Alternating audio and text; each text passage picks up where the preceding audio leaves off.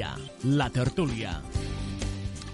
Què tal? Molt bona tarda, benvinguts a, en aquesta tertúlia diària d'actualitat, en aquest cafè de la tarda, a través de les emissores municipals de Tortosa, d'Amposta, de Deltebre, de la Mella de Mar, també de Santa Bàrbara i de Mas d'Enverge. Aquí estirem fins a les 4 de la tarda repassant tota l'actualitat del dia d'avui amb els titulars que ens deixa especialment aquesta reunió que ha acabat fa poc menys eh, d'una hora entre el president del govern espanyol, Pedro Sánchez, i el president de la Generalitat de Catalunya, Quim Torra.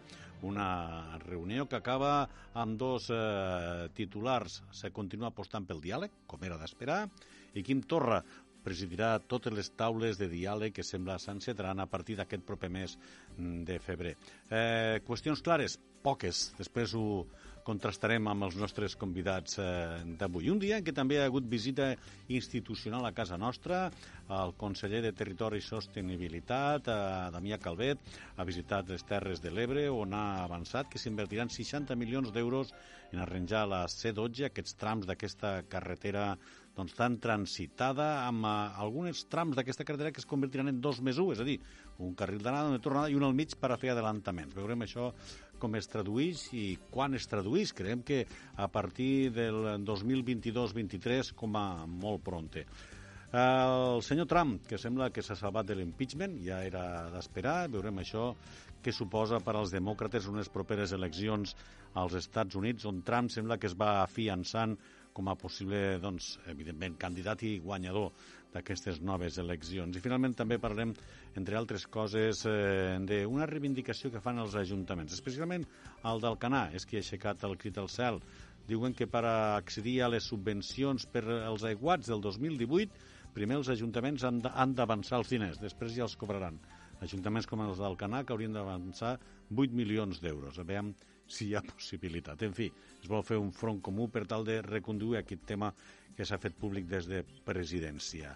El tema dels pagesos continua doncs, preocupant al govern de l'Estat, també el govern de la Generalitat, però especialment als productors. Sembla que ara les grans superfícies comencen a estar nervioses perquè se'ls ha posat a l'ull de l'huracà per mig del ministre d'Agricultura. En parlarem d'això amb Joan Alginet. Joan, què tal? Bona tarda. Quant temps sense passar per aquests micros, eh? Sí, ara feia dies que no us ho havíem pogut compaginar. Està molt ocupat en temes de, de pesca i de medi ambient, no? Bueno, divertits estem. Ocupats i divertits. Ens acompanya també Teresa Castellà. Teresa, què tal? Bona tarda. Hola, bona tarda, molt bé. Aquí està també Teresa per donar-nos el seu punt de vista sobre aquests temes d'actualitat i també Dani Saiz, periodista. Què tal, Dani, com estàs? Hola, Manel, molt bé. Molt bé. Heu, heu pogut seguir alguna cosa de, de la compareixença que han fet després de la reunió el president del govern i el president de la Generalitat? Com dia, titulars allò exagerats, tampoc no gaires, eh? s'esperava. Ho deia al començament, sembla que el discurs o la compareixença que ha fet Pedro Sánchez és com si portés el discurs escrit ja de fa un parell de setmanes allà al seu gabinet i diu, quan arribes allà li fiques quatre pinzelladetes de la reunió i ja està. Canvis la data i ja està. Sí, canvis la data i, i ja està. Teresa, tu com a socialista, has, has seguit la compareixença de, de Pedro Sánchez? La de Pedro Sánchez, sí, la de Quim Torra no, perquè ja m'ha agafat baixant. Sí, bueno, la de Però Torra sí. te diré que l'únic que ha dit és que ell vol encapçalar les pròximes taules de, de diàleg i que no, no ha obtés cap resposta sobre el final de la repressió per part de l'Estat. Són algunes de les coses eh, que ha dit. Però jo, jo em referia a la compareixença de Pedro Sánchez, que a part de la paraula diàleg, poques coses més ha portat, no? Home, a la compareixença no, però a la reunió sembla ser que ha portat un document, un munt de propostes. Bueno, per ja... tant, eh, jo crec que el més important és que no hi ha notícia, potser no? Sí, bueno, que sí, sí. I que, i... No, és veritat, perquè estàvem tothom a veure... No ha destacat res ni, ni per bo ni per dolent, per dir-ho d'alguna manera. Uh -huh. Ha sigut com una espècie de cosa molt cordial, molt ben estudiada, uh -huh. molt ben presentada, i han estat hora i mitja, no sé què s'han dit, però lo important per mi és dir que, que començarà la taula de negociació. Per mi això és lo realment important. Uh -huh. Ara, que hagués ara... pogut sortir en una trencadissa, també avui, eh? El mes eh, de febrer. No, no, no era, no era d'esperar que sortís una trencadissa, perquè aquí hi ha molts interessos, després de parlarem, perquè és una reunió que se, se fa en el marc d'unes possibles eleccions catalanes, en la, els pressupostos de l'Estat per aprovar, en unes possibles eleccions basques, és a dir, en una espècie de mare magnum polític que estirar del fil ara seria molt complicat. Eh, Joan? Bé, jo crec que mm, eh, al final s'ha acabat una mica consumant i, i traçant la, el que Esquerra Republicana havia, havia vingut defensant eh, i, havia, i havia vingut eh, plantejant les últimes setmanes.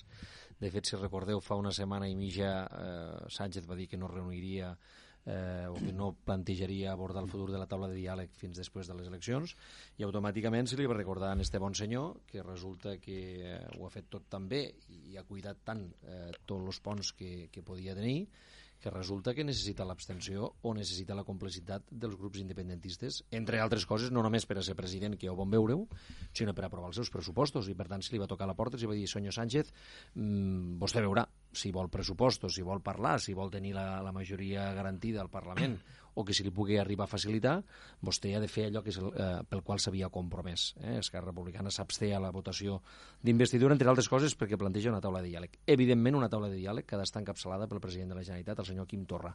I això ve a justificar que alguns desairats i alguns exagerats i alguns, eh, no sé, diria més coses però encara no he dinat i possiblement me farien gramassa, eh, d'aquells de Junts per Catalunya que a, xarxes, a les xarxes socials, sobretot a Twitter, van anunciar poc més que el fi del món, eh, que, que Esquerra havia fet la traïció del segle. I al final, doncs bé, tot s'acaba complint, perquè al final la política s'ha de fer tocant de veus a terra, s'ha de fer enseny, i la independència és un camí que s'ha de construir molt a poc a poc eh, i que s'ha de fer sobre bases sòlides i no sobre la heterodòxia que alguns pretenen confessar a diari.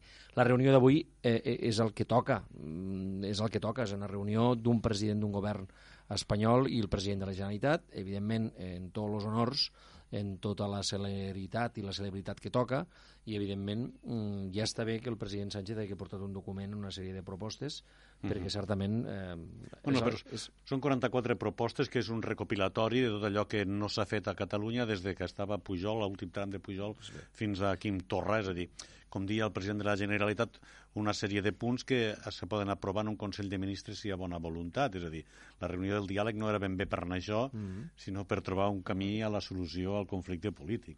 Bueno, al final... Eh, que també va començar, si vols sí, dir-ho per aquí, eh, per no, la part no, no, econòmica, sense dubte. Al final, jo crec que hem de parlar les coses com són. Eh, si el senyor Sánchez ha portat un document en, mm. en un llistat de greuges eh, sí. històrics i realment hi ha una voluntat i una disposició a donar-li resposta, escolta, ja em sembla bé. Ja han començat eh? a ja, ja em sembla bé, ja és un pas. Mm.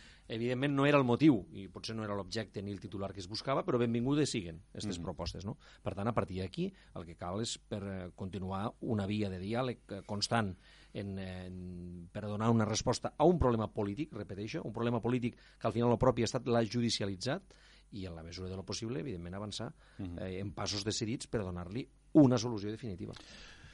Dani, com hem vist, eh, han rebut en el, en el Fombra Roja amb els Mossos d'Esquadra vestits eh, de gala aquella persona que fa poc era doncs, rebutjada eh, des del Palau de la Generalitat per haver donat suport al 155. Com canvien les coses en la política, eh? Quan, I més si pensem en l'anterior reunió del 2018, sí, sí. desembre 2018, sí, sí, sí. amb aquella història de la, de la flor de color roig, que, que després van ficar una altra de color groc, sí, sí, sí. ha canviat bastant. I, i bé, jo la primera reflexió que volia fer era, era esta, no? de, recordem eh, l'última reunió entre els dos presidents de, de la Generalitat i el govern espanyol va ser el desembre del 2018, allò va acabar amb aquella manifestació a la plaça de Colón rebutjant no sabem ben bé què, perquè al final tampoc sí. aquella reunió semblava que anés a, a cap banda, i allò va desembocar pues, en les eleccions que van haver a l'abril, repetició, noves eleccions, i, com deia el Ginet, eh, la necessitat de Pedro Sánchez i del govern de coalició d'un concurs de, de les forces com a mínim d'Esquerra Republicana, de Junts per Catalunya pareix que no de moment, però com a mínim de concurs d'Esquerra per poder tirar endavant la legislatura.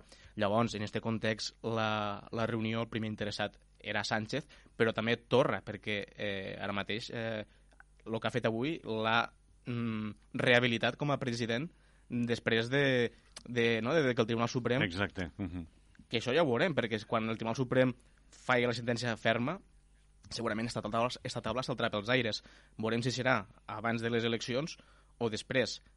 En tot cas, eh, lo, que, lo que dèiem, no? lo, lo positiu és el, el, el, el, la forma més que el fons, perquè el fons no, no mos ha deixat gaires titulars. Torra venia amb la seva doble proposta d'amnistia i autodeterminació. Com a mínim, autodeterminació està clar que, que Sánchez ha dit que, eh, diàleg dins de, la, dins de bueno, la llei. Sempre, del mar, sempre diu el mateix, eh? dins del marc de la llei. I autogovern, tot el que vulguéssiu, i pel que fa a la, a l'amnistia crec que tampoc no ha deixat massa clar Sánchez. No, no he pogut escoltar aquesta part, però crec que tampoc. Bueno, hi ha algunes reformes, eh, reformes penals, del Codi no? Penal que podrien, si no que és el que proposa els comuns, eh, la proposta dels comuns, que se l'ha fet. Suavitzar aquest tema, però com dèiem, sense gaires titulars. Sí, i no per la banda de, de Pedro Sánchez, doncs este document jo crec que crec que es va presentar en una altra ocasió per part del govern català un, document de greuges, per tant pareix que arriba tard, perquè si aquest document ja l'havien discutit o ja s'havia parlat mil vegades, portar això seria segurament una mostra de, mira, de bona voluntat, no? de, de, de anem a començar i te trec això per no parlar de les altres coses que segurament generaran més discussió i generaran desencontres.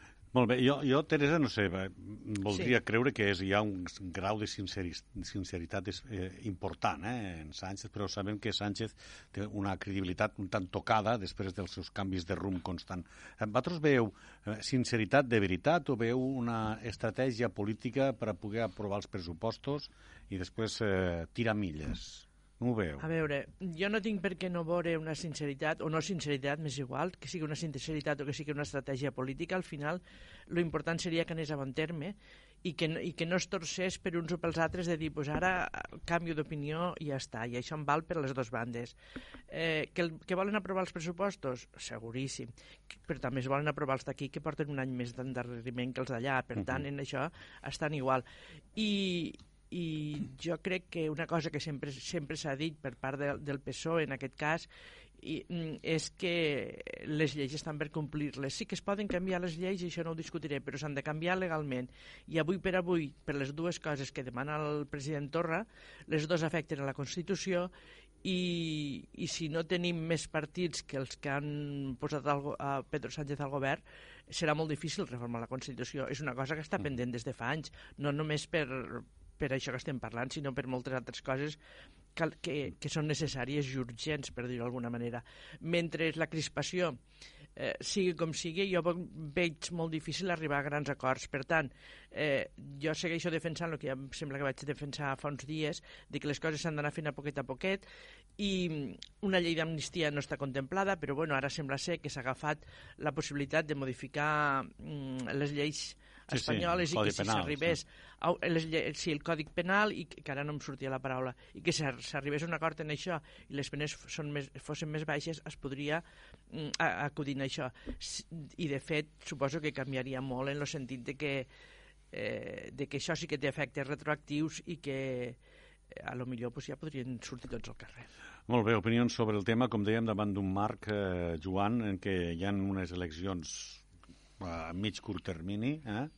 aquí a Catalunya, en què hi ha uns pressupostos per aprovar importantíssims per a la tasca de govern a, a l'estat espanyol i unes eleccions basques que, encara que no vulgués, eh, venen a remol del que pugui passar a Catalunya i per això ja ho dèiem ahir, l'Andacari Urcullo ha dit avancem les abans dels, dels de Catalunya, no sigui que ens trobéssim aquí en un percal. No, tot i així les eleccions basques també això forma part de l'oasi basc que diuen uh -huh. i jo crec que tampoc no tindrà massa incidència el que pugui, el que pugui esdevenir. No? De fet, el PNB eh, té la seva pròpia línia i el seu propi, la seva pròpia estratègia que al final difícilment condicionarà el que pugui passar a Catalunya, però sí, eh, cert. Sobretot la perspectiva de les eleccions basques pel que fa als partits d'abast espanyols, sí, sí, sí, sí. eh, i d'abast espanyol i també els nacionalistes, per supost. Bé, l'escenari, clar, és que no deixem de tindre uns contextos eh, condicionats pels procediments electorals. Quan pensàvem que havíem repetit unes eleccions espanyoles i que tindríem una certa estabilitat després de l'aprovació o l'anunci d'acord dels estatuts eh, del, de, dels pressupostos perdó, de la Generalitat, pues, bueno, el president Torra pues, va, va decidir que després de tindre estatut, eh, de, perdó, quina mania tinc l'Estatut, això, és la, visita, sí, sí, això sí. la visita de Sánchez. mm, eh, T'ha trastocat. De, sí, sí, sí, no, no, no és que m'ha trastocat, però com parlava d'un nou estatut i ja ho tinc al cap. Eh, després d'uns pressupostos, eh, pues, bueno, eh, la convocatòria imminent d'eleccions. De, no? Evidentment això condiciona... Imminent, el... imminent recordo que no ho va dir, eh? Bueno, imminent. Eh, va dir un cop Dependrà de com vagi tot lo demés. Bueno, no, no, no, està clar. En tot cas, en tot cas que ho faci quan vulguis. Ahir va anunciar, va ah, no, no, aquí sí, que, sí. que un membre del govern, un que és, que és alt i gros, que va, visit, va vindre el passat dijous aquí a les Terres de l'Ebre i li vaig preguntar i em va dir, home, això, abril, maig... Sí, sí, Però sí. és igual, va poder enganyar, eh? Vull dir el que em va dir un, una persona que fa de portaveu que està al Tigrós. No dic el nom, però era sí. tot... Sí, no, no, t'ha entès, t'ha entès. Sí, sí, sí, això, això, sí. això aquí baix... I que treballava a la ràdio, diguem. Això aquí baix diria... Sí, i que no té diré, un, un no... apellit com un altre molt famós. Sí, sí, molt bé. Aquí baix diria... No, no, no diré qui és, però té una barberia a les quatre carreteres. Sí, sí. Bueno, eh, en tot cas, jo crec que l'escenari, certament, bueno, no serà fàcil, i tenim una majoria eh, que no està garantida eh, al govern espanyol i això ho hem de tindre tots ben clar i que dependrà pues, de, la, de la capacitat que siguéssim tots de posar l'altura de mires i la responsabilitat damunt de la taula. No? I faig és una mica les paraules que deia ara abans eh, la Tere, no? de ser capaços pues, bueno, de deixar eh, de deixar enrere les, eh, les, els condicionants que poguéssim, que poguéssim portar i pensar eh, en, en clau catalana, d'acord, el problema que tenim i la situació que si li ha de donar, repeteixo, una resposta política, però evidentment també la capacitat que tinguéssim d'incidir, com sempre ha estat la voluntat i l'objectiu de la política catalana, d'incidir el màxim possible en aquelles decisions que es mm-hmm. prenguen a Madrid, no? i això és així. De fet, avui a, a, la situació és immillorable en aquest sentit, és a dir, Catalunya, els vots dels, dels, dels, dels del nacionalisme català és imprescindible, no utilitzéssim eh, en, en un sentit que no sigui eh, bé, doncs per encaminar a donar una resposta política i intentar la mesura de lo possible que tot aquell llistat de greuges, que tota aquella situació, entre altres coses, per exemple, la situació de vulnerabilitat del Delta de l'Ebre, que ha d'estar prevista als nous pressupostos generals de l'Estat, doncs que això poguéssim aprofitar-ho i que siguéssim capaços de, malgrat la repressió, malgrat la judicialització, que això és real, que ho patim cada dia, esta setmana ho, ho vam veure doncs, bueno, eh, en, en, cada setmana. Cada setmana tenim proves i exemples més que evidents. No?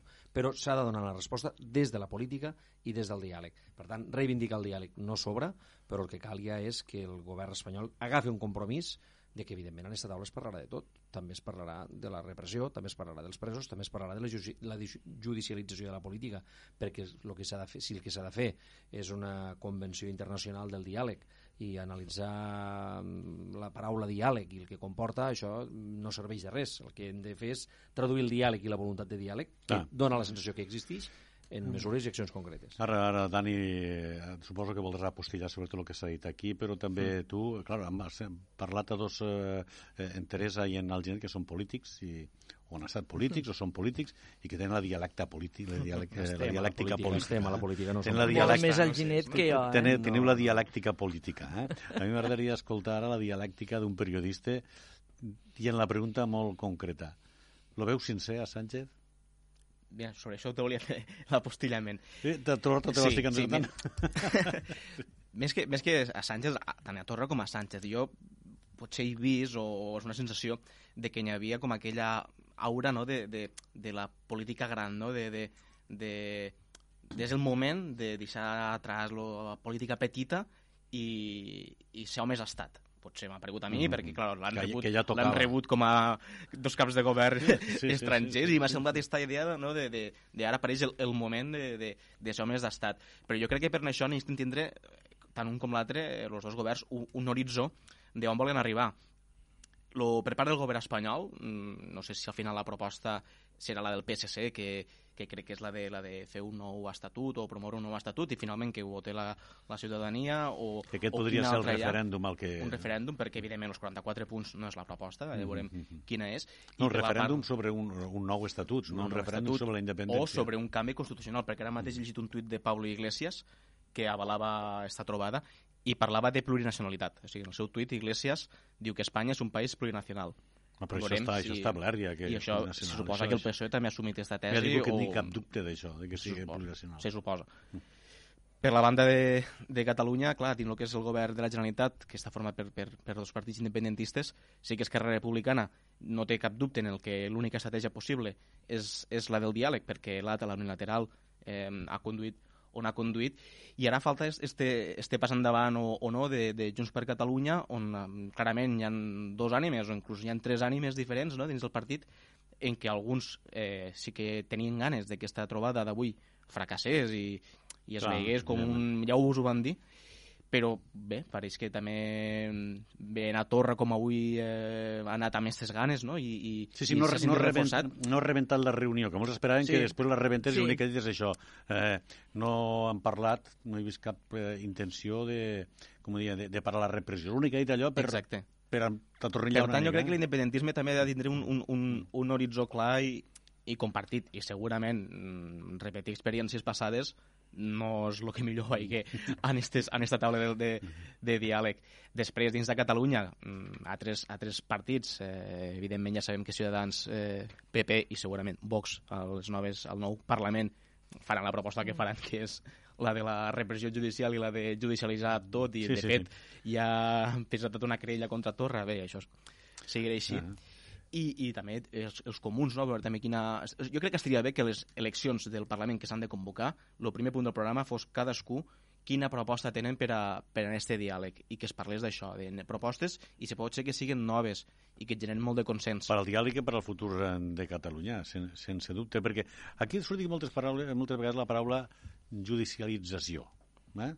Eh, clar, eh, la pregunta és si es contravé la llei, entre cometes, eh, i això és discutible, i entra la justícia. Llavors, si es contravé la llei, com pots desjudicialitzar una el causa? El que parlem jo crec que és de eh, polítics que fan servir la justícia per a finalitats polítiques. Mm -hmm. sí. Jo crec que la ju ju judicialització és això, eh? és a dir, fer servir els tribunals per al seu benefici polític i per a generar Clar, els seus titulars i aplaudir que la, la, la parròquia t'aplaudisca. Bueno, la política... a, a, això que seria una prevaricació judicial. Estem parlant de judicialització, que és a dir, la justícia entra a funcionar quan se contravé la llei. Per tant, és molt difícil demanar la desjudicialització. Desju... Eh? No, en, tot, en tot cas, se podria demanar la no intervenció Exacte, de la política sí. en la justícia. Sí, seria, seria Ju judicialitzar la política és quan, per exemple, una senyora passa de ser ministra de Justícia l'endemà ser la fiscal general de l'Estat, per exemple. Mm -hmm. És una manera de judicialitzar la política, perquè pretens incidir políticament a, bueno, jo esperaria a veure què fa aquesta senyora abans no. de criticar-la. No, no, que no la critico. No, Perquè jo no, crec que és una senyora que sap molt bé el que es no, fa. No la critico ella personalment. Ha criticat el procediment de nomenar, de bueno. no, no, no res més. No en tinc cap dubte que sap el que fa. Per tant, eh, podríem diferenciar entre la justícia actuant sobre la política o la política actuant sobre la justícia, que seria diferent, eh? Molt bé, doncs anem a fer ràpidament la nostra pausa de cada dia i després continuem amb altres temes d'actualitat perquè en tenim encara alguns damunt la taula que hem de tocar perquè són importants. Ara tornem.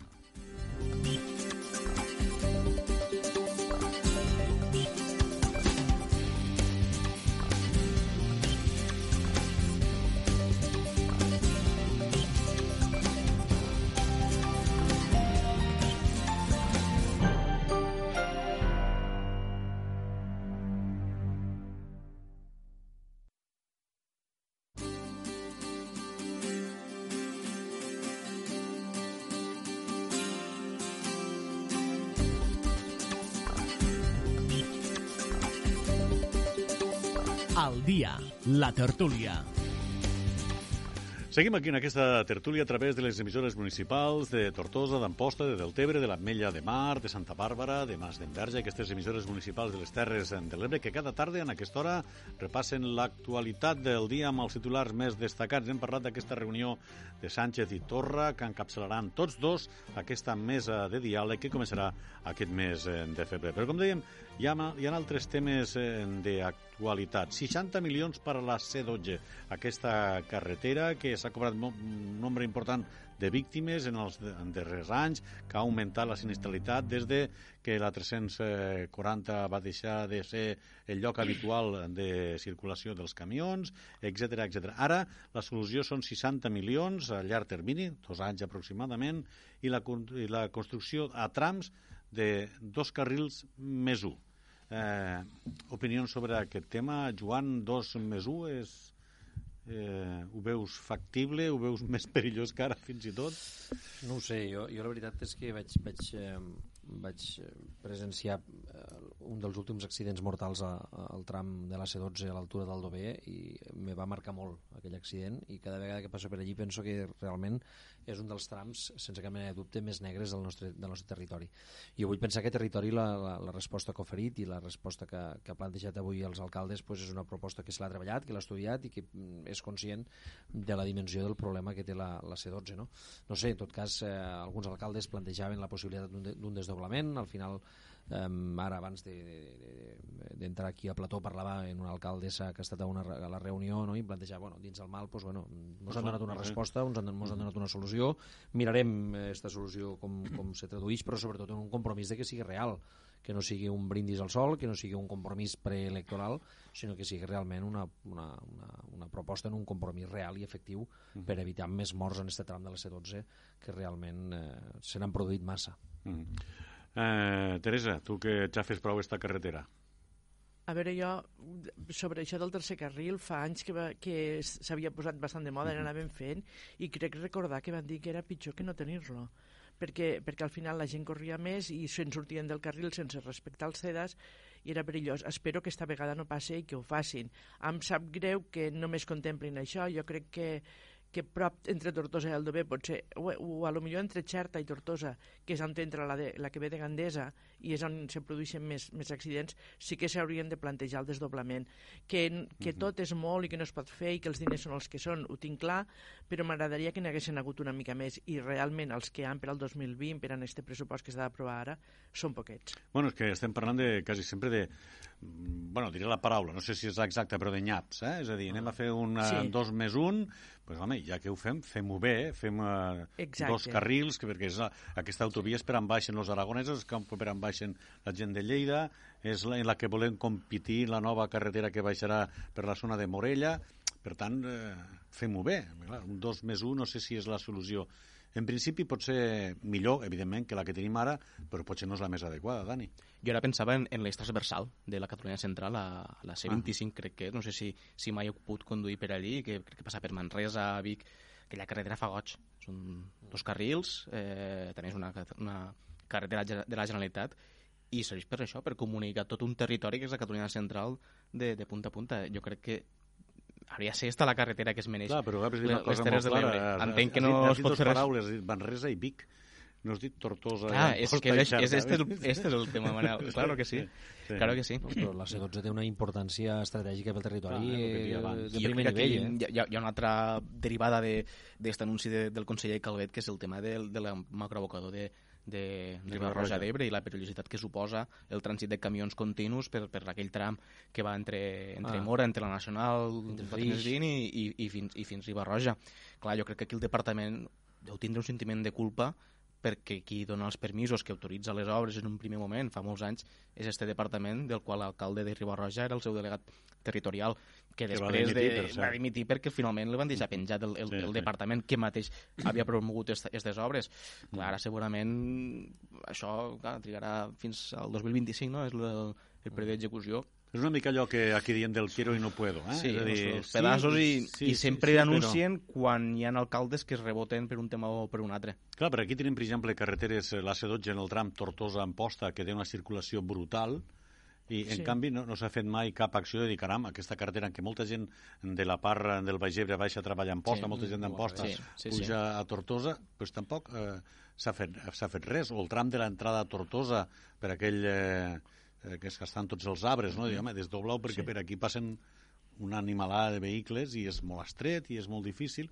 En fi, no, no sé si aquesta serà la principal eh, doncs, solució, la més adient. De moment, invertiran 60 milions, esperem que sigui para bé. 60 I... milions en 5 anys, crec. Sí, sí, bueno, clar, 60 milions ah. en total del projecte, eh? No... Exacte, sí, i sí. Que, que ens canviaria molt, crec jo, la perspectiva en tots els aspectes a Terres de l'Ebre, tindre un eix de l'Ebre desdoblat que, que obriria tant a natros per anar cap amunt, que a lo millor podria ser hasta, hasta la ruta per anar a França, per dir-ho d'alguna manera, uh -huh. com a la gent, de, no només d'Aragó, que de Navarra també en baixen a la platja, eh, podria canviar molt tot això. I, i això sense, sense oblidar la indústria, el port de la Ràpita, i en aquest cas l'abocador. Fas bé de dir-ho perquè, clar, no solament una infraestructura que ha de millorar per la seva perillositat, sinó per contribuir al desenvolupament econòmic del territori, que això de vegades no es té en compte. Ara, i també... últimament, entre la sinistralitat i entre els camions que dificulten poder fer adelantaments en seguretat, és una carretera que realment tu per anar a Mora en unes condicions normals te costaria 30 minuts i ara te'n costa una hora. I uh -huh. realment s'ha convertit en un malson. I no oblidem que la gent de la Ribera Nord no se senten de Terres de l'Ebre. A partir de Flix ja, se senten més a prop de Lleida que de Tortosa. Clar, perquè... Hi ha, hi ha una desconnexió brutal. Lluny. Clar, hi ha una desconnexió que és la carretera el que produeix la desconnexió. I tant. Uh -huh. I tant, i tant. És la carretera i és el transport públic i són moltes coses. Són moltes coses eh, que de moment sí. en 60 milions més d'aquests que fiquen haguéssim pogut anar millorant una mica més la Exacte. cosa.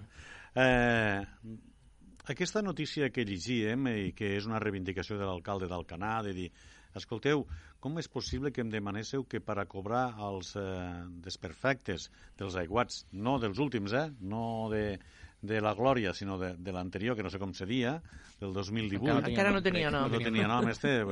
no. Eh, pues bé, eh, s'han d'avançar els diners per part dels ajuntaments, clar. Si els danys de l'Ajuntament al Canà són 8 milions d'euros, eh, què fa? Eh, dediquen tot el pressupost de l'Ajuntament a reparar aquests danys, a invertir-ho. Clar, demana un front comú eh, per fer pressió per tal de que no sigui així. Vosaltres ho veu lògic, això? De que es demanen que s'avancin els diners abans de que la Generalitat faci les aportacions? Això veure, no dic els diners, perdó, perdó. estic segura que la majoria dels ajuntaments ja, ja els han avançat, eh?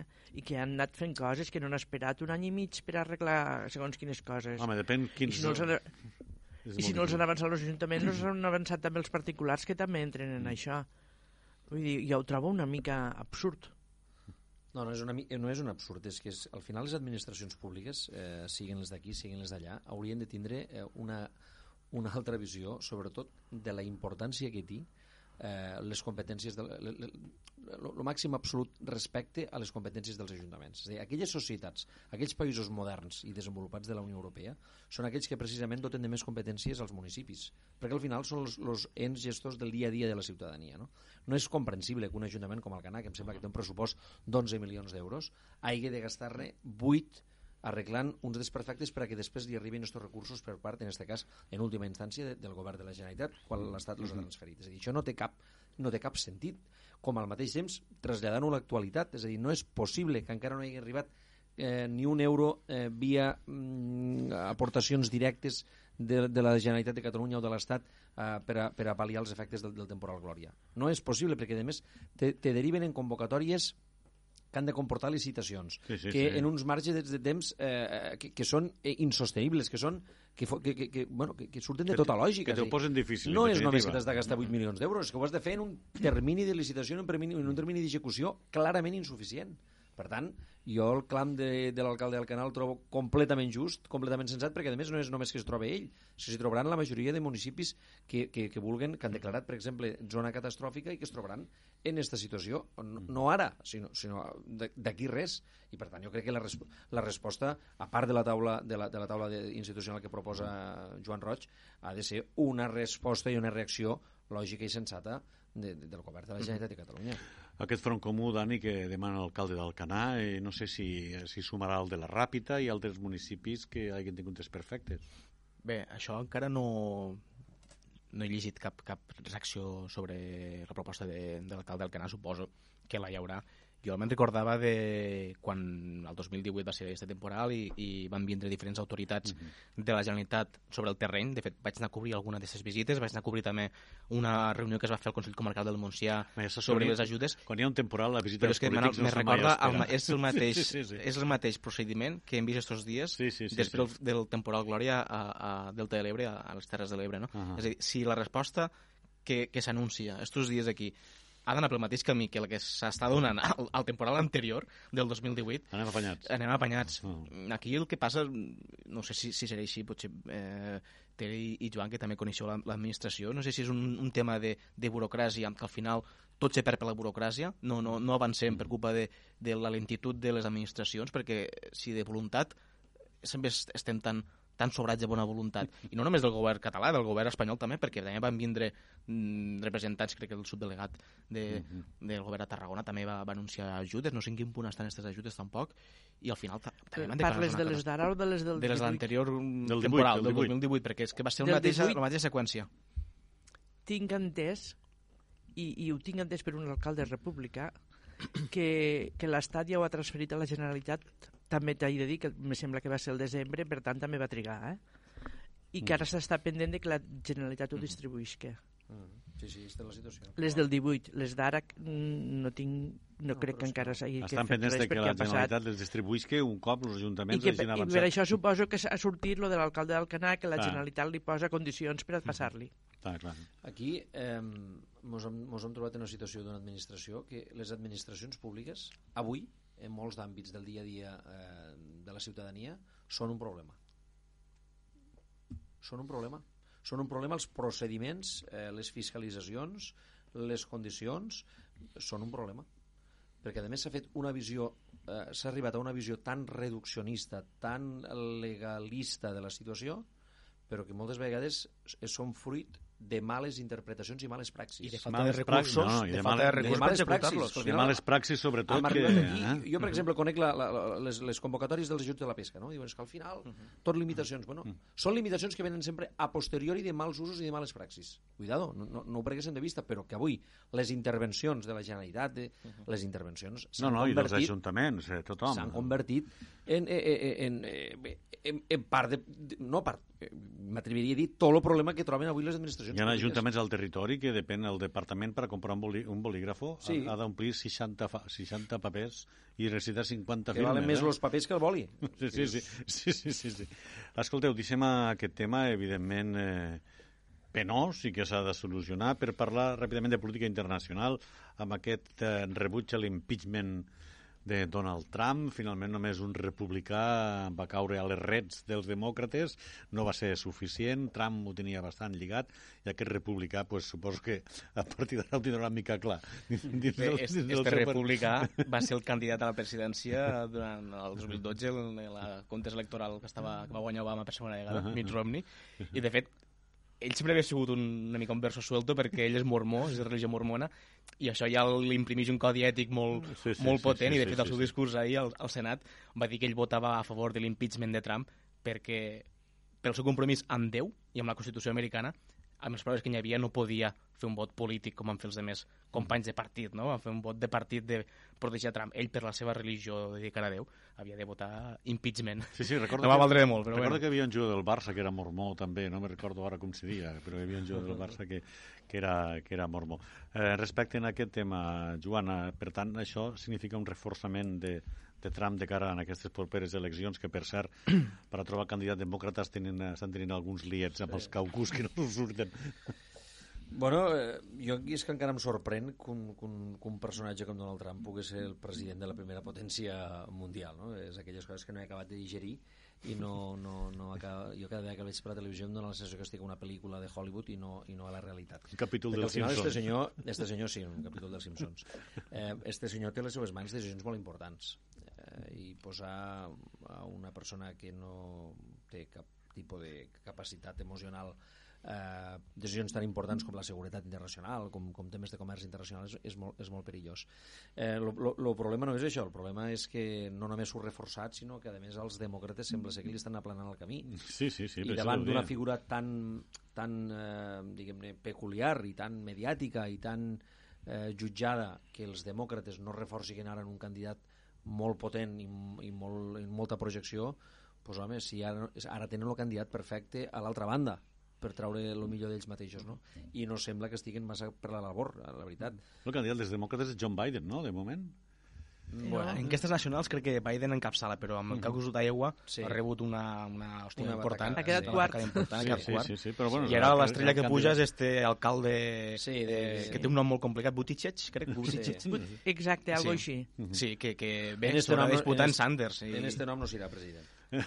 de fet, els últims resultats dels càlculs empaten, empaten Sanders i, i Buttigieg. Guanya uh -huh. Buttigieg una miqueta, però segur que han empatat. O sigui... El Biden ha rebut, ha rebut a, a, a Iowa en aquests càlculs. Eh. eh. Per tant, eh, bueno, eh, hem de dir, però, que Donald Trump de moment està cautivant a molt de vot eh, diguem nacionalista americà, eh, davant de les seues mesures proteccionistes. Eh, recordeu que la, que la crisi de Xina l'ha solucionat és a dir, quan estava que no es parlaven, finalment han solucionat la crisi econòmica en un país, l'altra potència mundial, que és, mm-hmm. que és la Xina. Per tant, eh, ne fa una de freda... va ne fa, ell. Sí, sí, però en fa una de freda, una de freda i una de calenta, eh? Una de freda i una de calenta. En fi, ja veurem què és el que passa, però l'impeachment este, com deia molt bé Joan, el que ha fet és aplanar-li el camí. Reforçar-lo. I, I, més a més, després d'aquesta imatge de la Nancy Pelosi ahir, que, pare, que pareixia un sí. pati de col·legi, sí, jo no et dono sí. la mà, doncs jo t'esgarro el discurs. És, molt, però... és molt televisiu, la política americana sí, sí, sí. és... Escolteu, eh, que, sou la primera potència del món, no? Sí. No sé sí. si vau veure també l'arribada d'aquell soldat que va entrar, sí, que no estava previst... Una té que li fica una medalla d'honor... Sí, de, aquella sí. va ser una sessió, sí. diguem, un show total, eh? Molt amb reconeixement a una família, eh. un militar, etc etc etc.